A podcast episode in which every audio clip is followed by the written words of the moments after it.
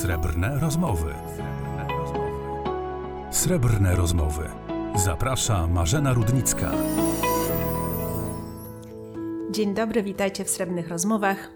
E, Kolejny odcinek. Tym razem przyjrzymy się wyglądowi, przyjrzymy się temu, jak wiek i czy w ogóle wiek wpływa na to nasze poczucie, jak wyglądamy. Czy przez to, że patrzymy na siebie rano w lustrze, czy tak naprawdę ludzie nam komunikują o tym, jak wyglądamy? Czy mówią, o, ty dobrze wyglądasz jak na swój wiek?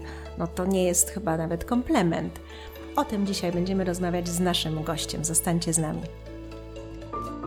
Marzena Rudnicka, fundatorka i prezeska Krajowego Instytutu Gospodarki Senioralnej, członkini Komitetu Nauk Demograficznych w Polskiej Akademii Nauk oraz autorka pierwszego w Europie znaku jakości OK Senior. Wieloletnia jurorka międzynarodowych konkursów, a także współautorka książki Marketing Generacji Silver. Witajcie e, w Srebrnych Rozmowach. Jest dzisiaj z nami świetny gość. Bardzo się cieszę, że możemy e, jej za chwilę posłuchać. Kobieta Julita Ledzińska, która 23 lata była w korporacji, w bankowości korporacyjnej, a teraz zajęła się swoją pasją tak naprawdę zawodowo. Dzień dobry, Julito. Dzień dobry, serdecznie dziękuję za zaproszenie. Bardzo się cieszę, że możemy właśnie dziś poruszyć temat tego, jak wyglądamy i czy, czy wiek na to wpływa, bo myślę, że to będzie takim głównym tutaj naszym nurtem rozmowy, bo w Srebrnych Rozmowach mieliśmy już dyskusję o tym, jak słowa wpływają na tożsamość wieku. Mm, A z Tobą bym chciała porozmawiać o tym właśnie wyglądaniu, bo na przykład, czy kobiety, mówi się, że nie pytaj kobiety o wiek, że nie wypada pytać kobiety o wiek. Ale dlaczego? Czy wiek jest czymś wstydliwym? Czy kobiety przed Twoim obiektywem e, wstydzą się wieku? Ja myślę, że mamy mocno wdrukowane to, że wiek nas definiuje. I że bardzo często słyszymy pierwsze pytanie: A ile masz lat? Świetnie wyglądasz. Ile masz lat? Co robisz? E, tak, mamy wdrukowane. Większość z nas ma wdrukowane bardzo mocno e, to, że wiek definiuje w jaki sposób nasz wygląd. Natomiast myślę, że to jest e, stereotyp. I powiem, dlaczego to jest dla mnie stereotyp. Ja zanim zajęłam się fotografią, pracując jeszcze w bankowości, przez kilka lat jeździłam w klubie narciarskim na nartach. E, I to był taki klub, gdzie jeździło. Tam nie, nie było takiej. Znaczy, owszem, były grupy wiekowe, ale na wyjazdy treningowe potrafiliśmy jeździć na przykład e, z dwudziestokilkolatkami. Więc byliśmy taką grupą bardzo zróżnicowaną wiekowo. No i czasami się pojawiały takie sytuacje, że z jakiegoś powodu trzeba było podać swój rocznik. I ktoś wtedy na przykład do mnie podchodził, mówi: No chyba żartujesz. No ale jak to? No i zobacz, jeżeli jesteś w takiej grupie, że nie wiesz, kto ile ma lat, to czasami w ogóle nawet nie myślisz o tym. Po prostu najzwyczajniej w świecie ci się fajnie z tą osobą rozmawia. Pamiętam taki wywiad z Yoko Ono, która udzielając tego wywiadu miała 84 lata i zadano jej pytanie, co ty robisz, że tak dobrze wyglądasz? I ona mówi, wiesz, no otaczam się przyjaciółmi, ale w jakim wieku są twoje, twoi przyjaciele? A ona powiedziała, w, w życiu mi nie przyszło do głowy, żeby ich o to pytać. I to jest to, że nie pytamy o wiek i jest fajnie, raptem kiedy się dowiadujemy jest takie próba chyba znalezienia na tej osi czasu, czy ona wygląda dobrze na swój wiek, czy ona wygląda źle na swój wiek, prawda? Czyli za staro lub za młodo. Mam wrażenie, że gdzieś istnieje jakiś suwak w głowach nas niestety. I to jest to niefajne lustro społeczne, tak to nazwijmy. Natomiast ja Cię chciałam zapytać o Twój projekt, bo pewnie on też się wziął z tego, o czym teraz mówisz. E, projekt, który Julita prowadzi, czyli 50 kobiet po 50, projekt fotograficzny. Opowiedz chwilę o nim. Tak, ten projekt to połączenie moich, mojej pasji, mojego biznesu, misji i własnych doświadczeń. Ym, ja przez 23 lata pracowałam w korporacji. Przed taki moment, gdzie mm, doszłam do wniosku po różnych doświadczeniach, że inaczej chcę rozwijać swoją drogę biznesową. I w którymś momencie przyszła do mnie inspiracja jakiegoś projektu fotograficznego. Najpierw myślałam, że to będzie 40 po 40, ale później sobie myślę, hmm, ale przecież ty jesteś po 50. To powinno być autentyczne. No i też niestety miałam kilka miesięcy takiego trudnego doświadczenia na warszawskim rynku pracy, gdzie spotkałam się z tym, jak bardzo PESEL mnie wyklucza. I to było dla mnie bardzo trudne doświadczenie, bo nie chciało mi się wierzyć, że y, ten rynek pracy mnie wypycha, tylko dlatego, że mam określony PESEL. A ja się po prostu z tym realnie zetknęłam. Zresztą y, pod koniec ubiegłego roku a na początku tego roku była publikacja Polskiego Instytutu Ekonomicznego, jak pracodawcy zapraszają na rozmowy rekrutacyjne osoby. Nie zapraszają. Albo nie tak. zapraszają tak. w wieku, tam powiedzmy po 50, mhm. bądź też w wieku około 30 lat. Ładnie, no jak... To się ładnie nazywa, że rynek wyklucza dojrzałego pracownika, jakby pracodawcy byli bezosobowi. Tak, prawda? dokładnie, dokładnie tak. I ja tego wtedy doświadczyłam i ja po prostu kompletnie nie mogłam tego zrozumieć. Po prostu czułam w sobie taką ogromną frustrację. No, na całe szczęście to trwało krótko. Później zaczęłam bardzo mocno się koncentrować na rozwijaniu mojego biznesu fotograficznego, więc o tamtym zapomniałam. No ale przy tym projekcie tych pięćdziesiątek, jak zaczęłam sobie to wszystko przygotowywać, całą koncepcję pisać, te wspomnienia wróciły bardzo żywo do mnie. No i wtedy pomyślałam sobie, no, nie ma innej możliwości, żeby zmienić albo zacząć zmieniać percepcję, jakie są osoby dojrzałe w ogóle po pięćdziesiątce, jak nie zacznie się ich pokazywać i nie zacznie się ich opisywać. Bo tak, to... taka, tak, takie poczucie misji w tobie się no tak. zrodziło tak. wręcz przez tą tak. krzywdę, której doznałaś, bo tak możemy powiedzieć. Może nazwijmy Poczułaś... to trudnym, trudnym doświadczeniem. Poczułaś misję, żeby da, dołożyć od siebie taką małą cegiełkę w budowaniu tej świadomości, jak ważni są, jak fajni są ci ludzie po pięćdziesiątce. Bo te kobiety, z którymi ja się, dokładnie tak, bo te kobiety, z którymi ja się spotykam, to, to, to nie jest tylko tak, że ja zrobię zdjęcia, tylko ja też yy, przed, w trakcie i po sesji dużo rozmawiam. Po sesji też wysyłam takie pytania, przeprowadzam wywiad i ten wywiad jest taki ustrukturyzowany, bo, no bo chciałabym, żeby jednak yy, zaprezentować daną kobietę z jej historią. Czasem... Julita, mam do Ciebie tu od razu pytanie. Jaka jest kobieta, taka, taka kobieta, która przychodzi do Ciebie i jest przed sesją, a jaka ona później jest, kiedy już dostaje zdjęcia i jest po sesji? Wiesz, dziękuję za to pytanie, bo to też o czym wcześniej Ty mówiłaś, to nasza percepcja, jak my siebie widzimy, jak widzą nas inni. Tak, bardzo często postrzegamy siebie przez pryzmat tego, jak postrzega nas otoczenie. Wyobraź sobie, że moja serdeczna koleżanka kiedyś usłyszała od swojej mamy, wiesz co, nazwijmy to Kasiu, nazwijmy, dajmy imię Kasia. Wiesz co, Kasiu, ty może nie jesteś najładniejsza, ale jesteś bardzo mądra i na pewno w życiu dasz sobie radę. I wyobraź sobie, że ta moja serdeczna koleżanka usłyszała to od swojej mamy, będąc sześcio czy siedmiolatką, a teraz jest dojrzałą kobietą, moją równolatką i ona cały czas to pamięta. Ale przeszła przez Twoje ręce albo przez nie, Twój obiektyw? Nie, to nie, może zaproś.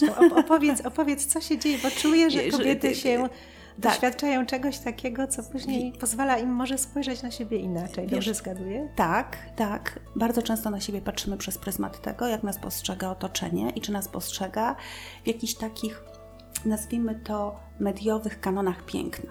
I bardzo często słyszę, no oczywiście te sesje, które ja robię, one są z przygotowaniem makijażu, fryzury, stylizacji. Ja w tym wszystkim pomagam moim klientkom.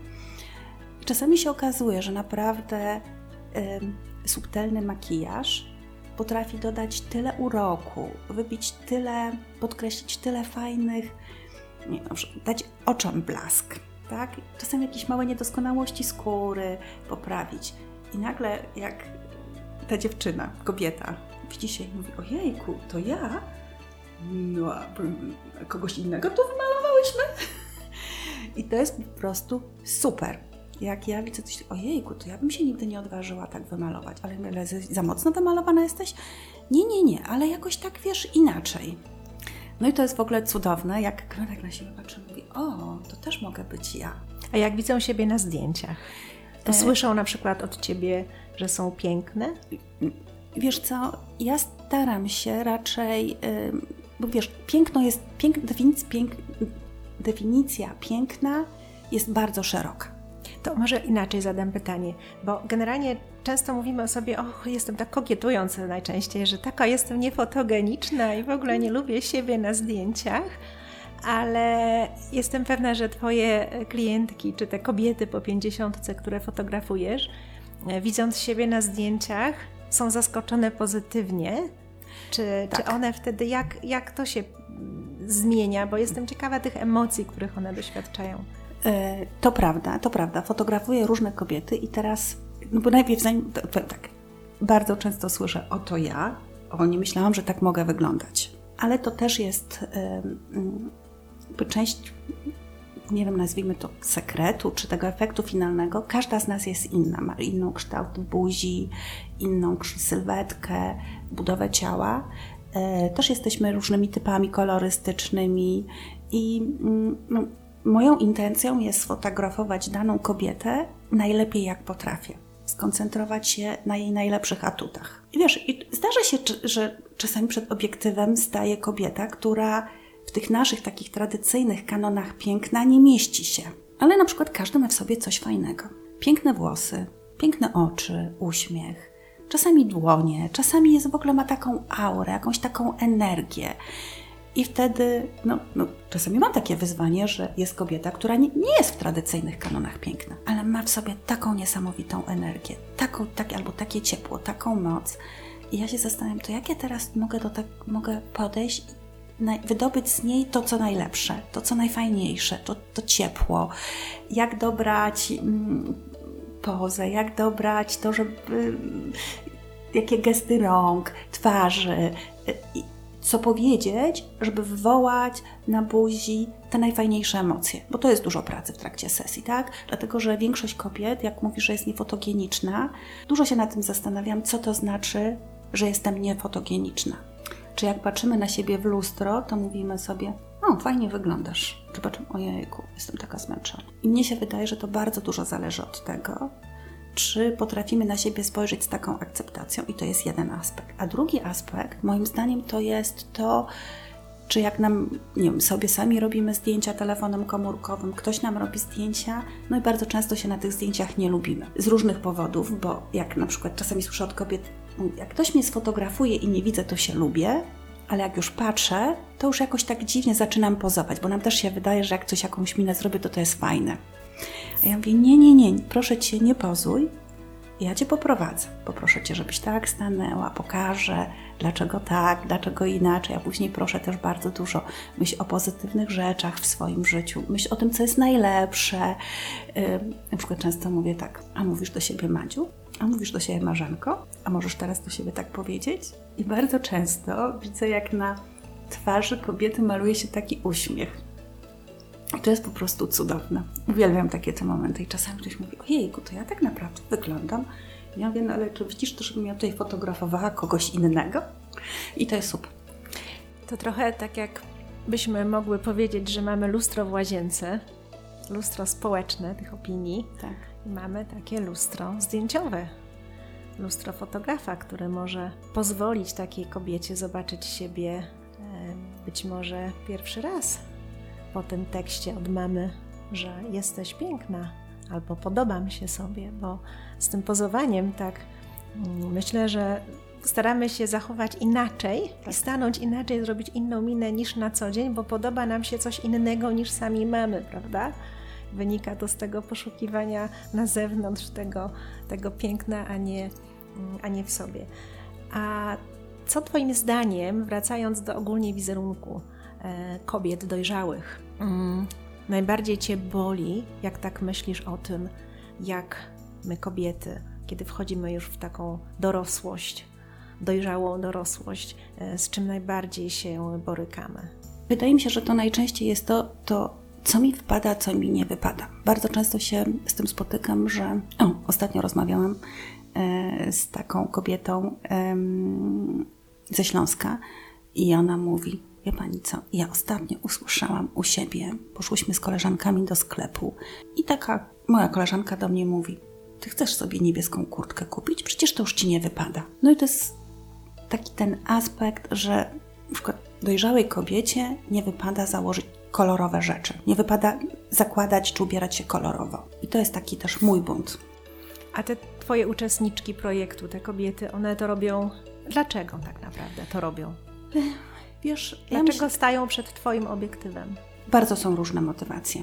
E, motywacje są, tak, po pierwsze, chcę się sama zobaczyć e, w obiektywie kogoś innego, często w obiektywie kobiety. No, najpierw też widzą jednak zdjęcia, moje zdjęcia, opis tego projektu. E, też chcą pokazać innym kobietom. Chcą, czasami może chcą być też inspiracją dla innych kobiet. E, no, bardzo często mówią, a ja chcę zrobić coś dla siebie i chcę się odważyć, bo do tej pory bardzo wiele robiłam dla, dla mamy, dla męża, dla dzieci. A teraz przyszedł taki czas, gdzie chcę zrobić coś dla siebie. I uważam, że to, że zrobię coś dla siebie, to jest właściwe. No właśnie, tego życzę Wam, drogie kobiety, które nas teraz słuchacie, żebyście znalazły to swoje lustro. Być może przed obiektywem Julity.